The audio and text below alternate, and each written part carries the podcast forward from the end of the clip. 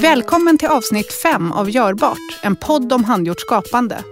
Vi vill skapa ett rum för samtal om handgjort skapande i alla former. Vi vill prata om att skapa, om att hålla på, om att göra. Det kan kallas för olika saker. Konst, konsthantverk, pyssel, hantverk eller slöjd. Vi vill prata med personer som ägnar sina liv åt att skapa och vi är nyfikna på hur de förhåller sig till det de gör.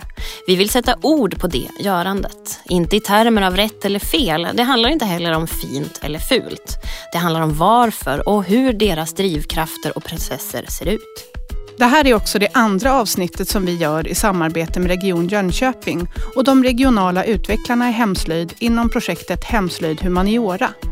Dagens avsnitt har därför tema Slöjden och språket. Och med oss här i studion finns brodösen och journalisten Karin Därland och Niklas Flink, utvecklare i hemslöjd i Jönköping.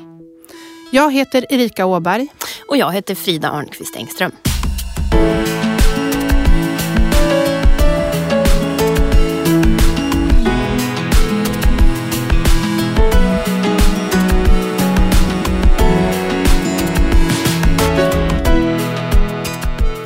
Karin, vad gör du? Ja, idag så monterade jag en tavla som jag håller på med. Ett, som ett samarbete med en tjej. Då är det en textiltavla tänker jag. Mm. Mm. Spännande. Och hej Niklas, vad gör du? Hej hej. Ja, jag jobbar ju som utvecklare på Region Jönköpings län och sen så driver jag projektet Hemslöjd Humaniora. Och jag har inte monterat någonting alls idag. Överhuvudtaget. Monterar väl sällan saker känner jag. Man kanske borde montera mer. Ja, ja. precis. Det var nog någonstans där jag hamnade. Liksom. Jag borde montera mer saker. Mm. Ja. Idag så handlar Görbart specifikt om språket och slöjden. Generellt är ju det någonting som ligger oss väldigt varmt om, om, om hjärtat ändå, att prata om handgjort skapande. Därför så brukar vi ställa den här frågan till våra gäster. Att eh, tankarna om just termer som vi använder oss av när vi gör slöjd, konst, konsthantverk eller pyssel. Och vi tänkte börja med att be, liksom, utan att egentligen nödvändigtvis rangordna det, vad, vad betyder de här begreppen för er? Mm. Det finns någonting som jag tycker ofta eh, faller bort när man pratar om de här termerna och det är motivet till varför det sker. Det pratar man väldigt sällan om. Man pratar om uttryck och, liksom, och, och funktion eller inte och såna här saker. Men liksom själva grundmotivationen till varför det sker. För det tycker jag, det måste ju ändå vara själva skälet till varför alltihopa eh, händer. Måste ju säga någonting om vad det till slut blir. Det var flummigt. Mm. Men ja, jag, Men jag tänker, tänker så också faktiskt. att olika människor definierar de här begreppen på olika sätt. Ja. Liksom, egentligen. Och slöjd, är det slöjd? Är det konsthantverk? Är det konst? Mm. Är det pyssel? Um, själv så skulle jag säga att det för mig är broderiet ett konstnärligt medium. Mm. Inte slöjd. Det är inte pyssel. Och det är inte, ja kanske konsthantverk eller, men mer åt, åt det konstnärliga hållet. Alltså broderiet är bara ett medium för Mm. mig. Men det här är, det är helt underbart perfekt. För, för att eh, nu sa du ju, det är ett medium. Så att säga, då är det ju någonting annat som du är ute efter. Du, du kunde ha hållit på med skridskor. Eller hur? Ja, jag kunde ha är blivit guldsmed, motiv- jag hade Ja. kunnat blivit eh, Ja. tatuerare eller whatever. Yes. Liksom. För det är någonting ja. annat, det är ett annat motiv som ligger bakom. Ja. Och det är det jag menar är, det är som att det rengör liksom kring alltihopa när man ska tänka på vad det är. Har man motivet och, eh, och jag bara elaborerar en smula där, Mm. men jag tänkte liksom det här med att tälja en slev, det är så här ultraslöjd på något vis. Liksom då. Och det kan man ju då göra för att man eh, vill ha en slev, man ska ha den och äta gröt med eller någonting för att göra det så liksom ultraslöjd som det bara går. Va? Men sen så kan man ju då göra den med ett annat motiv. Man kanske tänker sig då att den i huvudsak kommer att ligga någonstans som ett com- con- conversation piece eller någonting. Eller det. Alltså, det estetiska har helt klart eh, överlägsenhet över det praktiska. Och det är det som man säljer och det är det som någon ska köpa när man, om, man, om det finns en transaktion. Då. va. Och sen kan man göra, de kan se precis likadana ut. Och sedan så kan man då göra en slev som säger att jag gör det inför publik. Jag sitter och täljer, det är en lång, lång, lång historia där. Och det sitter folk och tittar på detta och sen när det är färdigt så knäcker jag av den och kastar den. Du har gjort en performance. Det kan vara samma material, samma redskap, samma form, samma uttryck. Allt kan vara samma. Det som skiljer dem åt då, det är ju motivet. det är så jag tänker att det är en väldigt viktig bit i det. Sen tänker jag att, att du Karin sa också någonting som gör all skillnad i när man klurar kring de här begreppen och det är att du sa att för dig betyder det här Ja, att, att det är ditt förhållningssätt. ja. Och det tror jag är någon slags vaccin i, det, i, i meningen att eh, det handlar ju om din uppfattning och det är den du uttrycker. Och då tänker jag att det är fantastiskt om vi kan förhålla oss precis så och inte nödvändigtvis alltid vara ute efter sanningarna utan det, det är ditt förhållningssätt till orden och du vet varför du använder dig av dem. Och då är det ju spännande om vi kan använda flera ord och vi behöver inte färre utan fler i det sammanhanget. Och att medvetet kunna använda dem är ju fantastiskt. Och det är ju precis det här samtalet vi vill ha mer här idag så jag tycker det känns som en underbar början. Skulle du kunna berätta lite för oss om eh, projektet som du leder? Ja, visst. Ja, det heter ju Hemslöjd Humaniora och eh, projektet vill ju då lyfta hemslöjd, om vi nu bara tänker det som den mest generella eller möjliga term som finns, så vill vi lyfta den då i de olika sammanhangen som uppstår om man tar humaniora då, som hela det, och humanvetenskaperna. Sen kan man ta någonting annat om man vill, liksom, men, men det är det vi har fokuserat på. Va? Så då kanske vi lyfter, vi titt, lyfter på locket på psykologi och stoppar ner lite hemslöjd i det. Och så tittar vi, finns det något intressant där? Vad kan vi göra åt det i så fall? Och vem skulle kunna prata om det? Och så vidare. Och det är ungefär det, det som är metodiken. Och det vi vill få ut utav det hela, det är ju så att säga att försöka prata om samma sak ungefär, men på så många olika sätt som möjligt. Därför att vill man förstå liksom hemslöjd så kanske man måste få förstå det på det sätt som man själv väljer att förstå. Och då kanske ingången är matematik. Det kan vara så, eller världsherravälde, eller vad som helst. Va? Så att, eh, och det är det vi gör och det vi har valt då är humaniora och humanvetenskaperna som, som grund. Och då så har vi arrangerat eh, olika seminarier eller publika samtal och vi har poddar och sådär. Eh, med olika inriktning då. Mm. Och sen så finns de då på Youtube och Soundcloud och vår Facebook då. Karin, för de som kanske inte har sett det du gör, kan du bara beskriva vad det är du gör? Jag broderar. Och egentligen inte broderat så mycket när jag var yngre. Alltså från och till lite grann. Men liksom egentligen hållit på med andra konstnärliga uttryckssätt. Sen så började jag med eh, korsstygn och bonader i korsstygn. För att jag, är jag har ju också en journalistutbildning. Eh, så att jag är ju van vid ord. Så, eh, så att jag började brodera ord som var viktiga för mig. Som bonader. Eh, Fast med mina budskap, om man säger så. Vad kunde det vara för budskap då? Nej, men alltså det kunde vara allting ordnar sig till exempel. Alltså sådana saker. Eh, alltså så, sånt som jag själv behövde höra. Ja, god, god motivation. Eller som jag tyckte att kanske någon annan behövde höra. Men sen så, så, så, så tröttnade jag på korsstygnen för det, var så, det, var, det kändes inget bra att bara vara bunden till ett stygn och till en väv. Och då gick jag över till det fria ylle, broderiet på ylle då. För det är ju som att måla egentligen. Det blir ju helt fritt. Det öppnar sig helt andra möjligheter. Och jag bara fastnade i det här. Hur, hur närvarande är orden, liksom de rent faktiska orden i ditt skapande nu? Alltså, orden finns ju alltid där någonstans. Men eh, nu den här, det här broderiet som jag håller på med nu till exempel, eh, rövballe, är, är det som jag håller på med nu. Det är ju ett ord som jag bara jag bara älskar det. Liksom. det är så, och, och, så att ja, det kommer in ibland. men eh, inte så mycket så. Men det, det kommer och går. så. Nu är det mer bilder som är, finns i mitt huvud som kommer ut. och så. Men, eh, men orden finns ju alltid där eftersom att jag har jobbat med layout i så många år. och, och mm, är så van vid att hantera ord och tänker mycket i... Alltså ord blir ju någonting annat också när man befäster det i ett... Med stygn så blir det ju ett ord som man säger till någon. Det är bara liksom take it or leave it på något sätt. Eller det kan försvinna iväg. Men ett ord som broderas fast eller broderas in blir ju på något sätt befäst på ett helt annat sätt. Ja, om jag får, jag måste fråga. Eh, det, då tänker jag så här att det är ju skillnad på något man säger men det är också skillnad på hur man skriver det, vad man skriver det med. Eller hur? Ja. Så att, och att eh, göra någonting som eh, är ett annat, alltså det är ju ett taktilt material. Mm. Det tänker man ju inte, ett pennstreck är ju inte taktil på det viset även om pappret är det. Så det är ju liksom det, det är verkligen skillnad på hur det kommer till den som hör eller ser ordet. Då. Ja. Det tycker jag är en viktig skillnad. Mm. Mm. Men nu Karin, tycker du att du kommer du undan med så att säga grövre ord om du broderar dem än om du skulle skriva dem? Är det skillnad för dig? Alltså jag tänker väl, om man tänker så här rent, alltså som, ja det kanske, jag vet inte. Ja kanske lite. Ja. Jo. Vi nickar. Vi nickar. Alla nickar. jo det gör man.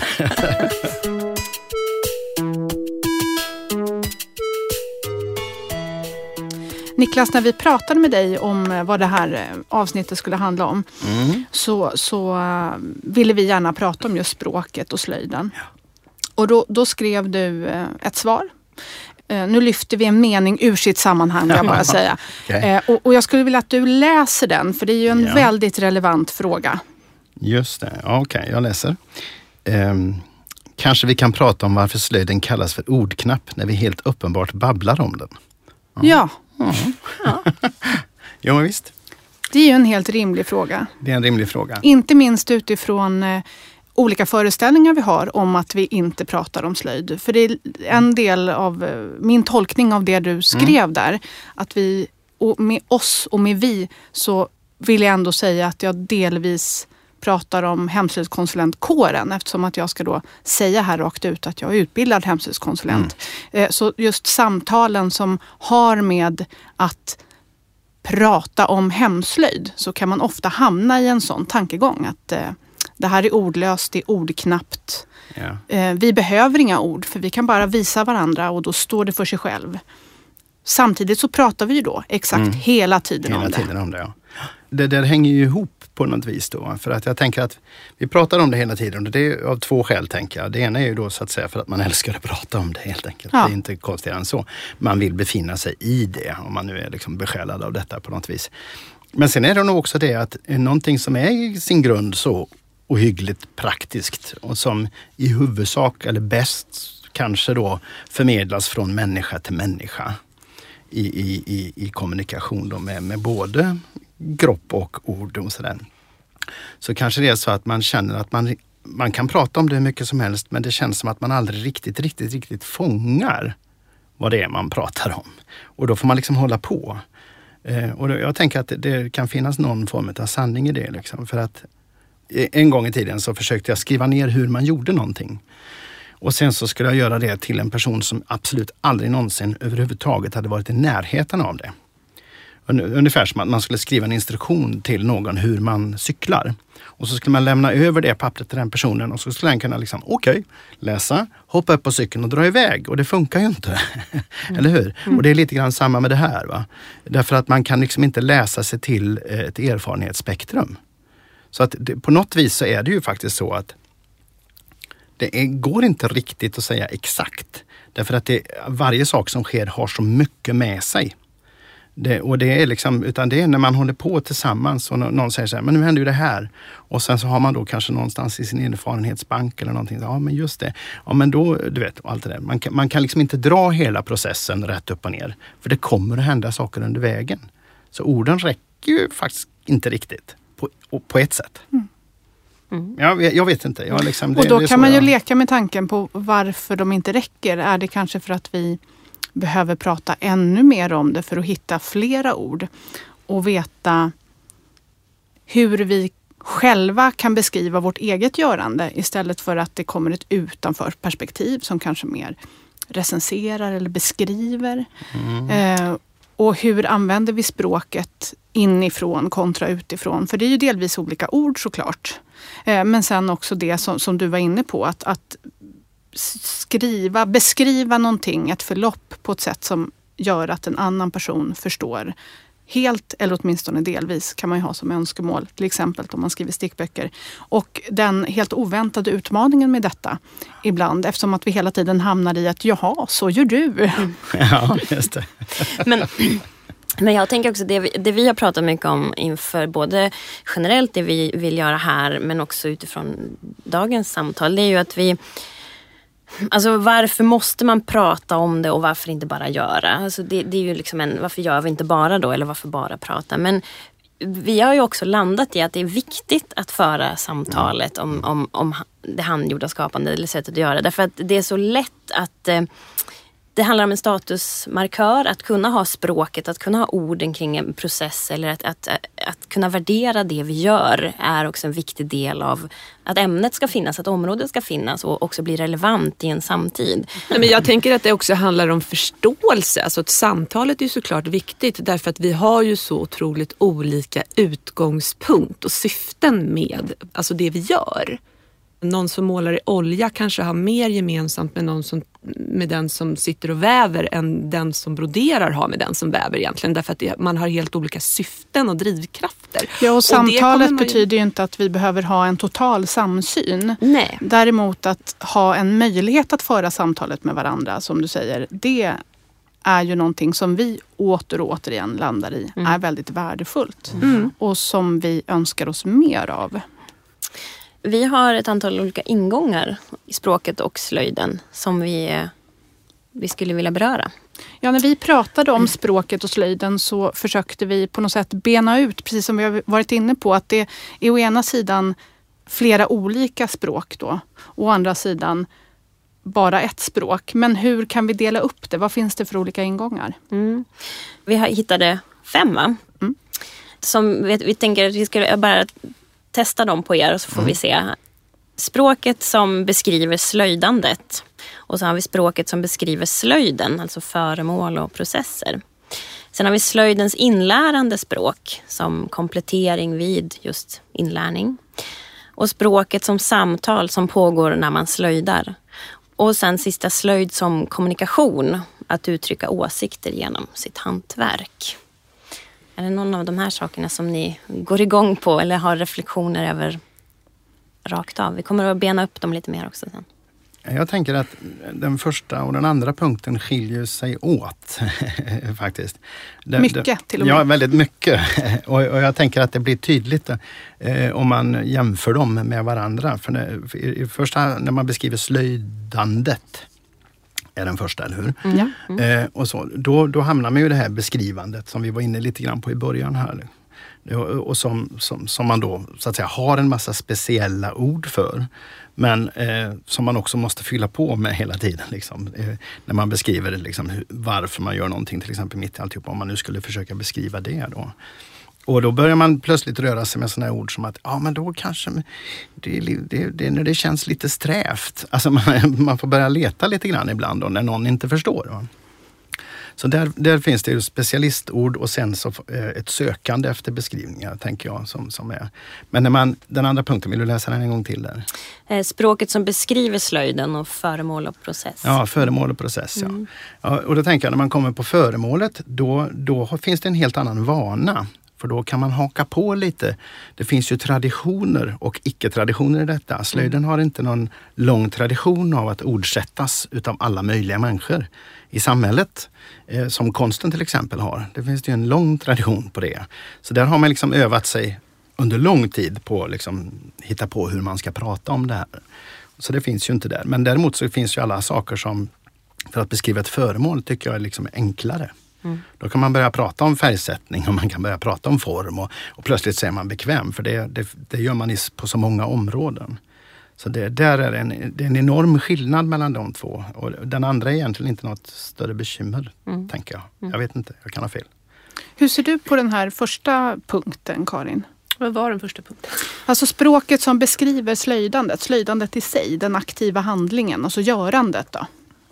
Det, det, kommer sig ganska naturligt, eller det kommer sig väldigt naturligt. Och jag tror också att jag är ju inte, jag har ju ingen eh, traditionell skolning i det jag håller på med nu, alltså i broderiet som medium, har ju inte, jag har ju inte gått någon liksom konstsömnads... Jag har aldrig gått en kurs i broderi faktiskt. Jag har gått en massa med andra kurser men i broderi är jag ju liksom helt självlärd. Så att hur, hur jag... Jag har aldrig liksom egentligen reflekterat kring om jag använder rätt termer eller, eller, eller jag, jag vet inte hur jag ska Men det är, ju också ett, det är ju också ett svar, tänker jag, att orden kommer till dig när du ska beskriva det ni ska göra. Och det är egentligen det vi menar är inte nödvändigtvis att det finns ett rätt språk kring Nej. görandet utan snarare att det finns ett språk kring att beskriva det man gör när man håller på. Ja. Eh, som kanske skiljer sig då från den andra punkten som handlar om att beskriva slöjden eller görandet mer om jag ska om jag skulle berätta om din process, att brodösen Karin Därland, så är det ett annat förhållningssätt till språket, till görandet och till säkert också vilka ord jag väljer. För då finns det ju delvis en recenserande aspekt mm. i att jag ska förmedla och förklara vad du gör. Medan du när du står där mitt i workshopen, mitt i broderandet, så handlar det ju om rena instruktioner och beskrivningar för att du vill förklara vad det är som ska hända nu och vad det är som händer när det händer i workshopögonblicket. Och det är ju en annan uppsättning ord. Mm. Ja, jag, jag tänker att det är liksom, eh, eh, vi, vi kom väldigt nära en optimal situation där, tänker jag. Alltså den som vet precis vad den gör, eh, liksom, då har du ju så att säga, allting finns inne i, i dig på alla tänkbara sätt egentligen där. Och sen har man dessutom då människor med antagligen viss förförståelse åtminstone. Kanske olika mycket men ändå, de är inte helt blanka papper. Och sen har man ju då så att säga föremålet som man håller på med, materialet, alltihopa är framför en. Eh, så att säga. Så att man antagligen kommunicerar man ju det tillfället med alla upptänkliga medel. Med, inte bara ord utan också då tonfall och, och, och, man håller med, man nickar och man, liksom, man pekar och man drar och man visar i luften och man, man, man gör en massa grejer där. Jag tror att det är så att säga en optimal situation att prata om hur man gör, eller så, hur det går till. Mm. Eh, för, för, då, för då kan man använda hela sin vad ska vi kalla det för, hela sin modalitet eller vad man ska säga. Allt går att använda. All typ av kommunikation går att använda i den situationen. Jämfört med det här liksom, som vi var inne på innan, där, att man försöker skriva ner det för någon som inte begriper något. Mm. Exakt. Det, det, det är motpolerna här. Liksom. Mm. Så, och det är ju språket, det kommer väl som någon annan punkt här, att språket finns ju med när man ska instruera som en stödfunktion. Och, då, och det har jag tänkt på väldigt mycket, för eftersom jag har befunnit mig i de situationerna också ganska många gånger. Att det där är ju verkligen en, en, en, ett, ett, eh, en, mm, ja, ta bort ordet dans, men alltså det, men det, det är liksom det böljande kommunikation. För när man liksom håller på med någonting och så kommer det någon fråga och det är liksom någonting. Och det här sker väldigt organiskt. Eh, och det är väldigt eh, mycket kommunikation som sker. Liksom. Och eh, orden kan vara ganska få ibland. Men det är väldigt mycket kommunikation mellan två människor. Och jag tänker att det finns något slags optimum där ändå. Liksom. Trots att, att vi vill använda orden här så, så, så, så, har orden så stort stöd i materien och kropparna där. Liksom. Så att det måste vara den optimala situationen för att beskriva just det. Mm. Både du Karin och du Erika, har ju, ni skriver ju böcker eller har skrivit eh, alldeles nyutgivna böcker om just eh, ert görande och er process. Och då, du har ju tv blivit tvungen att sätta ord på ditt görande eller det du vill, Karin, det du vill att någon annan eller läsare ska göra. Hur, hur såg den processen ut? Hur, hur kom det sig att det blev en bok? Nej men alltså jag, det, jag, det jag kände när, när jag skulle göra den här boken var ju dels Ehm, för jag hatar själv pekpinnar och som jag Eh, som jag nämnde förut så kan jag uppleva lite grann just kring broderi som medium att det finns väldigt mycket liksom regler kring och förutbestämda eh, meningar om hur det ska gå till. Liksom så. Och det kände jag var väldigt viktigt för mig att inte komma med utan att mer försöka beskriva det från hur jag ser på broderiet, både som medium och som process och liksom hela den biten. Och eh, målsättningen med den här boken är som sagt inte att man ska göra exakt som jag. För att försöka beskriva mitt uttryck i ord och sen försöka få, hur kan det bli så? Alltså det är omöjligt. Mm. Och det har också att göra med, precis som du pratade om, det här med liksom vad man har för erfarenheter och att olika människor har olika läggning för saker och ting och liksom fallenhet för olika saker. Och det viktiga är på något sätt att försöka hitta ja, men liksom friheten i uttrycket och att ingenting är egentligen rätt eller fel. Inte ens att göra knut på tråden. Liksom så. Mm. Mm. Jag tycker det är ju en, en väldigt fin tanke och en väldigt en fin styrka med din bok. Den, vi ska säga att den heter Brodera fritt på ylle och eh, där inspirationen ju egentligen kommer till det, det är det du bjuder på eller det som du, den innehåller. En, en process och en berättelse och ditt språk och sen får man nästan göra lite grann som man vill med det språket. Och det är en, den tycker jag är en modig väg att gå. Jag gillar det för en tydlighet i det. Mm. Um, då, liksom. ja. För jag kommer tänka på det, det finns ju en uppsjö böcker kring det som ligger mig varmast kring hjärtat om man nu säger så, täljning och det här.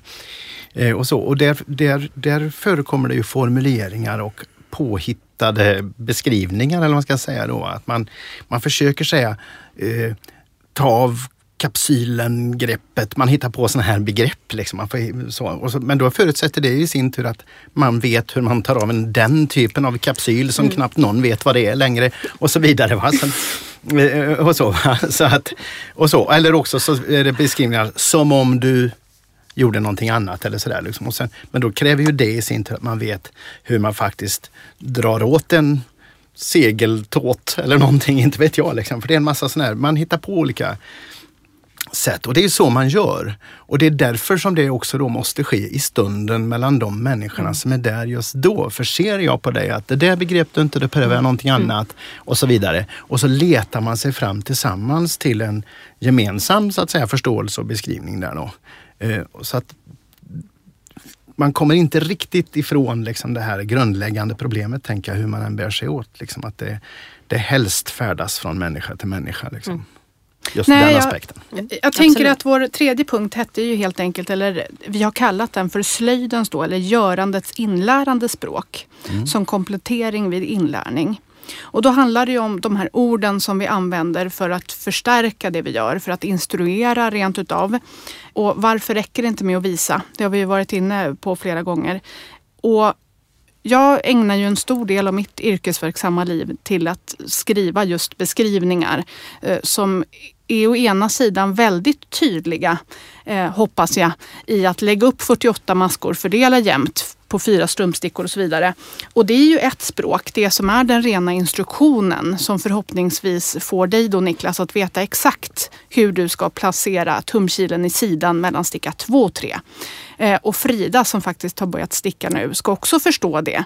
Det andra handlar ju om det som du pratade om Karin, att sätta igång Fridas egna processer. Att kanske får jag möjlighet att leda Frida till att hitta sitt eget språk i stickningen.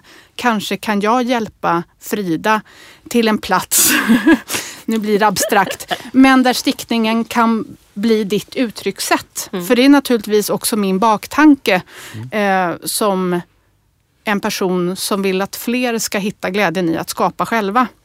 Eh, och det här är ju såklart separerat delvis från mitt eget skapande som fyller andra funktioner för mig som är högst egoistiska. Eh, vilket jag inte på något sätt ser som ett problem, men de är separerade såklart. Mm. Och det är därför jag tänker att man kan ägna hela yrkesliv åt att skapa själv. För att det fyller olika funktioner i en. Och men äh, åter till språket kring det här så är ju det ett helt annat sätt att förhålla sig rent språkligt till det som man gör. Att hitta ord eh, som det ska råda så lite tveksamheter kring som möjligt. Mm. Och vad händer då när vi inte har de här orden riktigt? För vi har kanske av hävd suttit bredvid någon som har visat oss eller vi har sett någon som har stoppat strumpor, trasiga hälar under hela vår uppväxt. Så vi behöver inte ha några ord kring hur den där sablans stoppsvampen ska placeras i hälen. Det är aldrig något som någon har funderat på, hur vi ska beskriva det i ord. Men plötsligt sitter man där. Mm. Och det är ju i de allra flesta fall väldigt spännande, men inte helt okomplicerat. Mm. För där kan jag ibland känna mig någonstans som mellan en, en upptäckare mm. som får hitta min egen standard, för det saknas en massa ord. Och så får man prova dem på en massa människor. Eh, å andra sidan försöka hitta orden som finns och göra dem tydligare och kanske förklara dem. Och det är också en del i att förmedla en kunskap. Mm. Språkbruket som också finns kring allt vi gör. Mm. Det är ju liksom så olika, olika långt till olika, i olika situationer, olika människor och sådär. Det, det, det, det, det beror ju liksom lite grann på vilken typ av, om nu använder jag ordet barriär då för att du vill ta dig över någonting mm. och komma till andra sidan med någonting då. Och, och de är ju väldigt olika. Så det finns ju liksom inte en... Det finns ju inte ett sätt att göra det på, det kan inte finnas. Och sen kan man ju då själv utöver det då, så att säga vara, vara mest bekväm till exempel då att befinna sig i ett rum med människor som pratar exakt samma språk, för då funkar det ju liksom jättebra. Jag kan säga ditt och datt och bu och bä och alla här inne begriper vad jag pratar om, för det är ett specialiserat språk. Liksom. Men, men och, det, och där kan jag säga att det ibland finns ett litet problem då, för att när man kan väldigt mycket om någonting så är det väldigt svårt att inte prata på det viset. Så att säga. Någon som är superduper bra på en viss teknik eller ett material eller så de kan ju nästan till slut inte förmedla det för de, de, de har fått ett språk som tvingar dem till att prata på det viset nästan. Det, det, så att därför behövs det ju någonstans människor som har förmågan att vara broar. så att säga. Antingen då på grund av att de inte har liksom halkat iväg in i den här superspecialiseringen och liksom fastnat i den underbara världen och trivs bäst i den och liksom inte vill komma utanför. Eller så, utan att man inte är så specialiserad men är bra på att kommunicera istället. Då. Eller så. Och sedan så är det beroende på vem man ska kommunicera med. Så det, där är, det krävs ju en flora, en mångfald av människor som, som, som, som är intresserade av samma sak och att det förmedlas vidare. Jag tycker det är intressant med just processen i görandet utifrån att man kan förändras. Alltså att man, som det faktum då att jag har börjat sticka. Och om man har följt mig under ett antal år så vet man att jag har aldrig stickat. Jag har varit jättedålig på att sticka. Det har varit jättesvårt. Eh, och jag har läst, jag får jättemycket böcker skickat till mig som journalist och jag har läst de här böckerna, jag har läst de här beskrivningarna sida upp och sida ner med de här otroligt eh, smidiga och säkert jättebra förkortningarna och inte fattat någonting det, det, är nästan som något vackert versmått som jag inte har förstått. Och språket sida upp och sida ner med de, de sakerna som jag någonstans förstår. För jag ser på bilderna och jag läser i introtexterna och jag läser i material hur jag ska vårda material. Jag förstår ju att det här kommer bli en fantastisk tröja om jag kunde knäcka den här koden. Jag förstår att den här vanten skulle sitta enormt vackert på min hand. Men jag har aldrig kunnat ta mig dit. Och jag vet inte det. Det kanske är nötning då, nötningseffekten. Att jag har umgåtts mycket med dig Erika och sett dig sticka. Men sen var det också, eh, var, var, var jag i ett läge där jag plötsligt en dag började sticka i våras och, och, plötsligt så, så började jag också leta efter information på ett annat sätt. Jag, började, jag googlade sticka raggsocka och fick upp massa saker. Jag tittade på, på internet och jag tittade på Youtube, på massa olika klipp och sådär. Och plötsligt så började jag liksom inse att den här informationen, om jag börjar leta informationen så hittar jag den och den finns där och jag kan ta del av den. Och jag kan också med ett annat sinne förstå att jag kan sticka till saken hör också att, att, den som har stickat strumpor till, i min släkt under många, många år, det var min mormor som gick bort för ett år sedan. Och det fanns ingen annan som kunde sticka strumporna. Så det kanske också var en sån påskyndande faktor.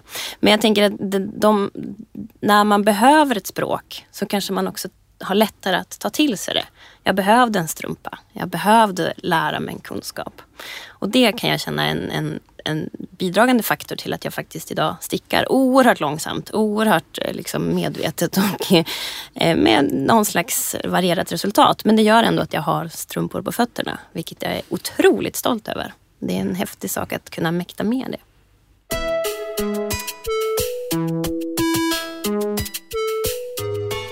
Alltså det är ju jätteklurigt. Och det är, alltså just att det är språket vi hela tiden landar i. Vi använder språket, vi vrider och vänder. Vi förstår inte varandra. Vad säger du? Jag förstår inte hur du menar. Alltså det är ju precis det som som gör att vi samtalar om det här just idag. Mm. Och de punkter som vi har kvar nu, där språket som samtal som pågår när man gör och sen det man gör, alltså görandet och orden som kommunikation.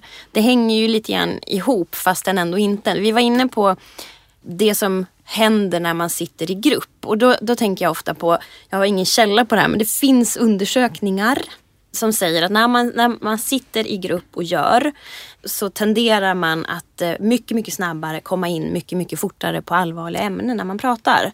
Eh, alltså man inte har ögonkontakt som nu. Nu sitter ni och tittar på mig. Alltså känner jag att oh, jag måste leverera, jag måste säga något smart. Jag måste, alltså, men om, jag, om vi alla skulle sitta så här, alltså nu tittar jag ner i mina händer. Om vi alla har den liksom, pann pannloben eh, mot varandra istället så går det mycket snabbare till en helt annan nivå av, av samtal. Och det tycker jag är så himla intressant. För att det handlar också om att vi faktiskt kan vara tysta ihop.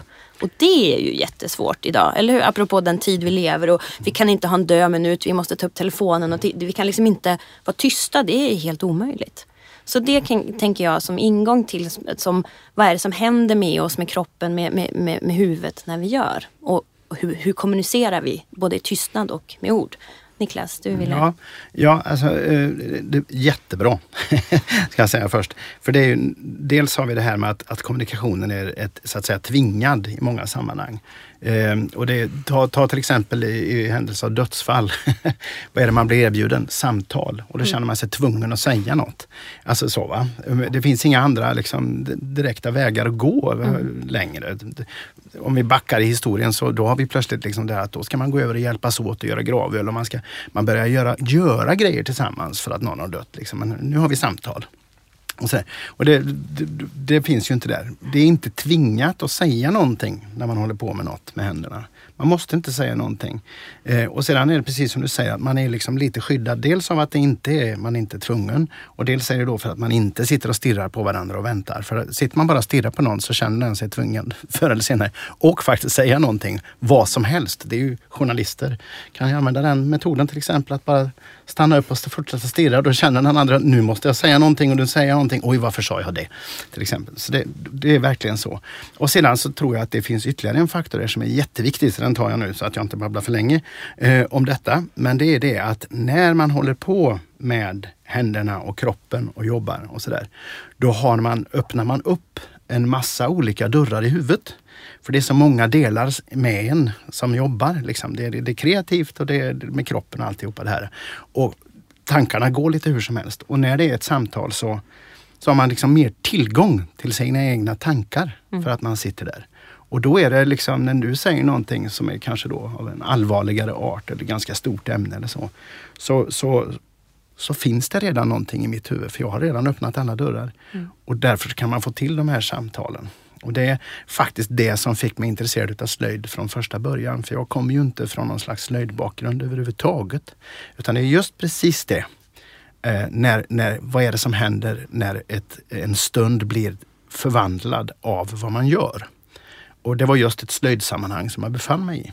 Att nu plötsligt så skedde det någonting. En transformation. Mm. Varför? Och jag var så nyfiken på det så jag började leta efter detta. Och det är kanske därför som jag liksom letar efter vad slöjd är på något sätt och vis fortfarande.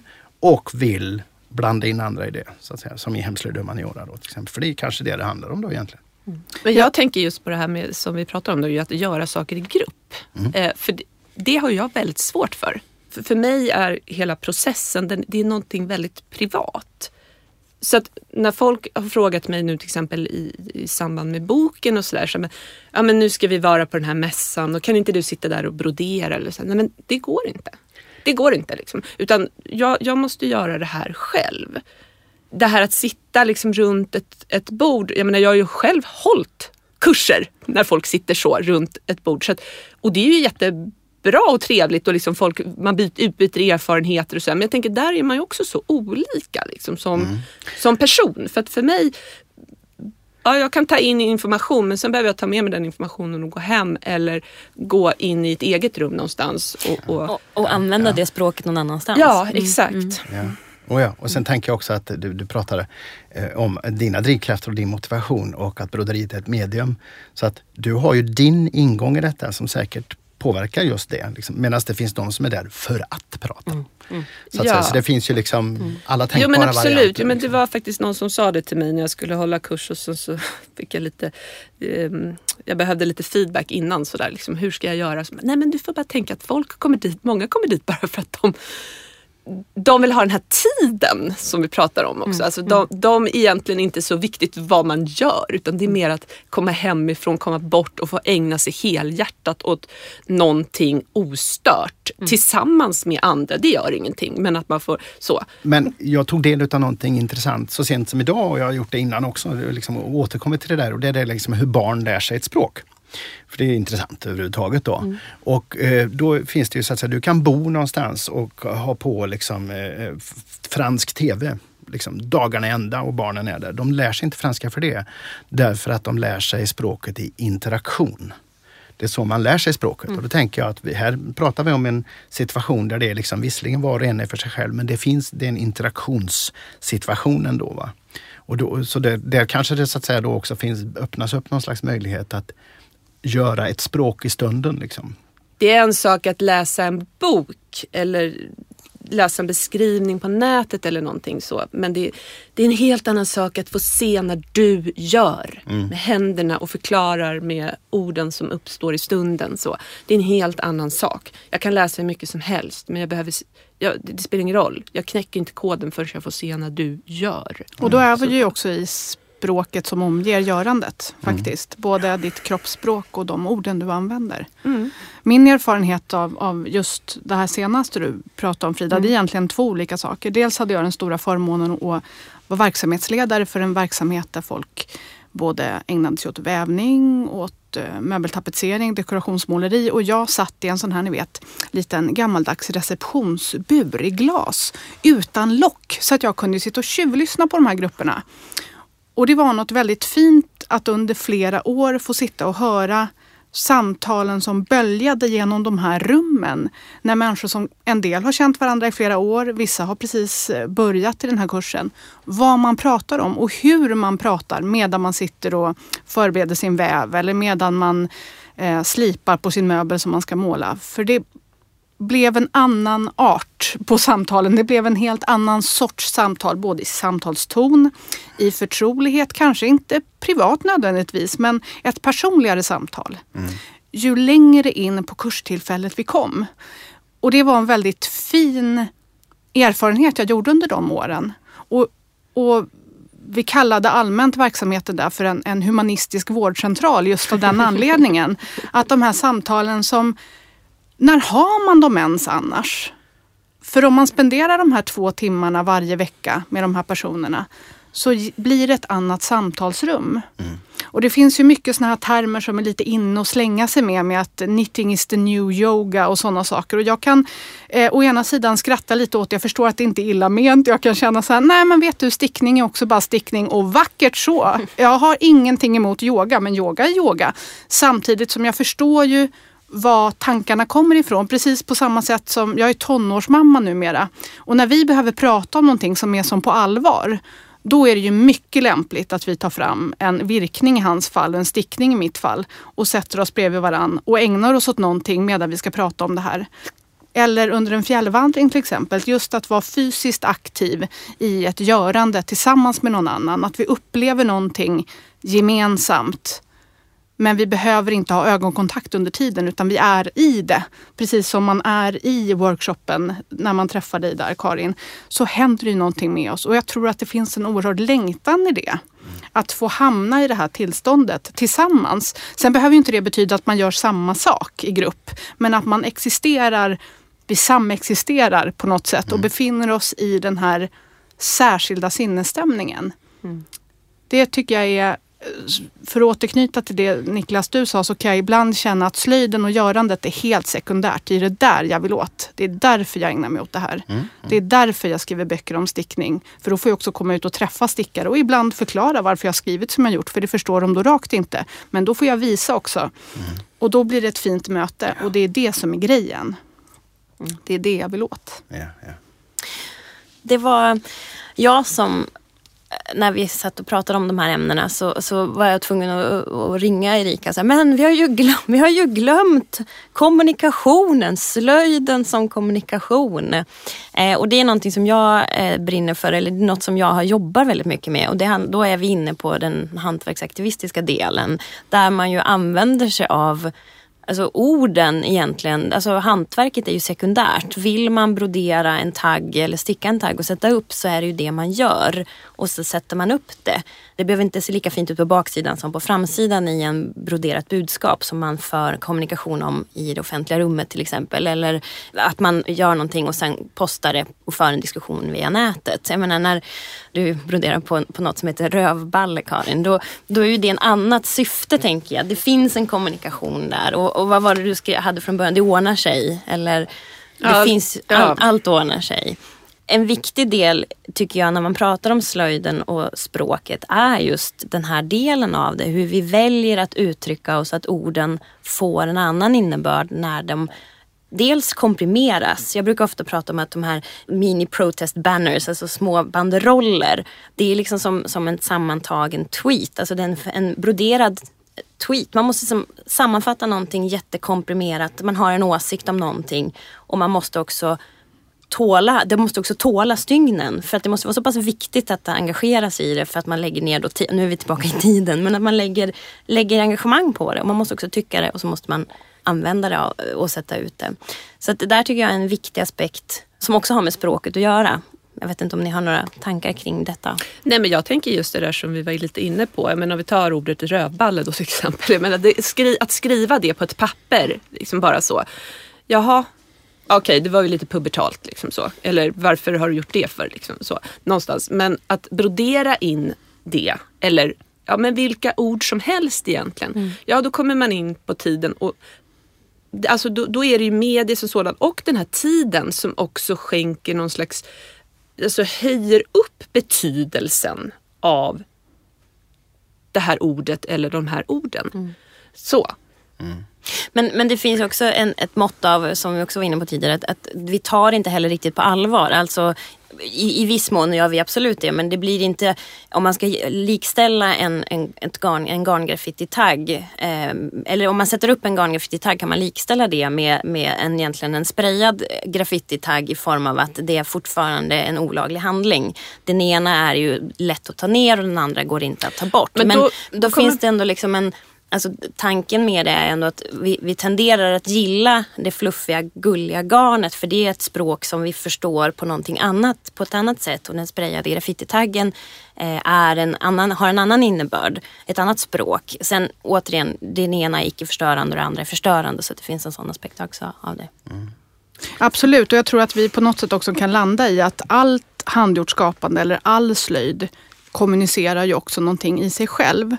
Mm. Eh, men som också givetvis är tätt förknippat med var vi kommer ifrån, både med förkunskap och, och, och, bakgrund och sammanhang.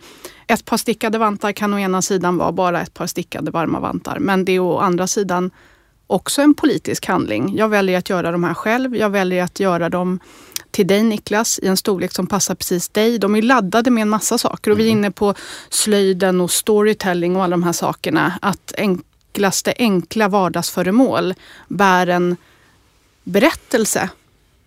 Och det är också en del av slöjdens språk som jag då läser in i din, den här slöjd som kommunikation, för det är en del i det. Och den är ju i stor del tyst då. Då är vi tillbaka i det här. Måste vi liksom orera så mycket om den här? Kan inte de här vantarna bara få vara ett par vantar?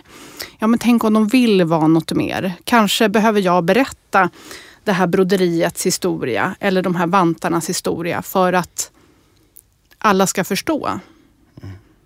Vi behöver prata om det men på ett annat sätt. Alltså utifrån det vi har varit inne på idag så finns det ju uppenbart idéer om olika ingångar man kan prata om hur mycket som helst. Och det kanske är så vi behöver göra det, bara att samtalet kan se eh, annorlunda ut i framtiden. Ja, jag tänker att, att eh, vi pratar, eh, eller jag har pratat om slöjd i skolan och sådana saker liksom, och den demokratiska aspekten på det. Då kommer vi in på detta. Mm. Eh, för att det finns många olika barn i skolan. Va? Och de har olika eh, sätt som de vill ta sig an världen och uttrycka sig och sådana saker. Därför så måste det också finnas många olika möjligheter för dem att göra det.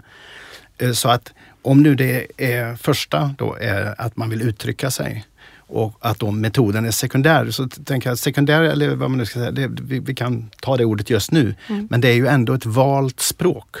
Därför att det språket bär sina egna värden. Eh, så att säga, så att det, dels har man då att det bär sitt egna och sen är det också så att den här mångfalden som jag är ute efter här nu, det är så att vi måste prata om det vad den är då, och i det här fallet hemslöjd, på många, så många olika sätt som möjligt. För att så många som möjligt ska kunna förstå det på det sätt som de själva kan och vill förstå. Och kanske i bästa fall också kunna delta i samtalet utifrån mm. sin egen horisont eller intresse eller vana. Mm. För jag tänker att återigen, det man övar blir man bra på. Mm.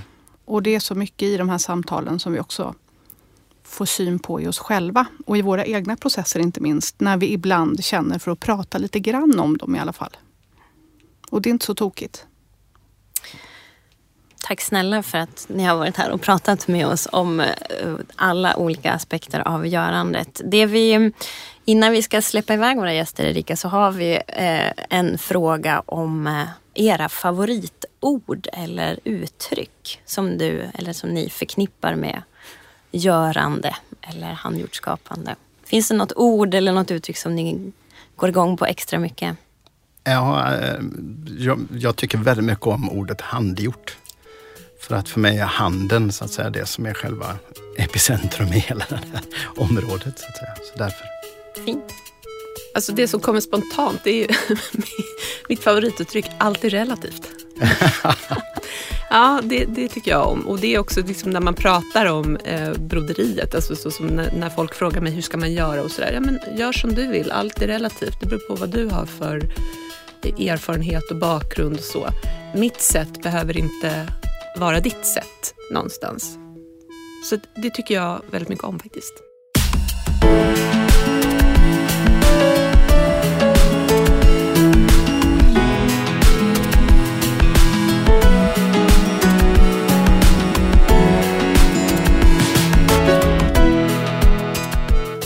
Här var det andra avsnittet som vi gjort tillsammans med projektet Hemslöjd Humaniora och utvecklarna i hemslöjd i Jönköpings län. Det första avsnittet handlade om folkdräkter och det hittar du bland Görbarts övriga avsnitt. Mer information om projektet Hemslöjd Humaniora hittar du på Facebook under samma namn. Och mer information om oss finns på gorbartproduktion.se. Tack för att du har lyssnat. Det här programmet görs på Beppo. Beppo. Beppo. Beppo.se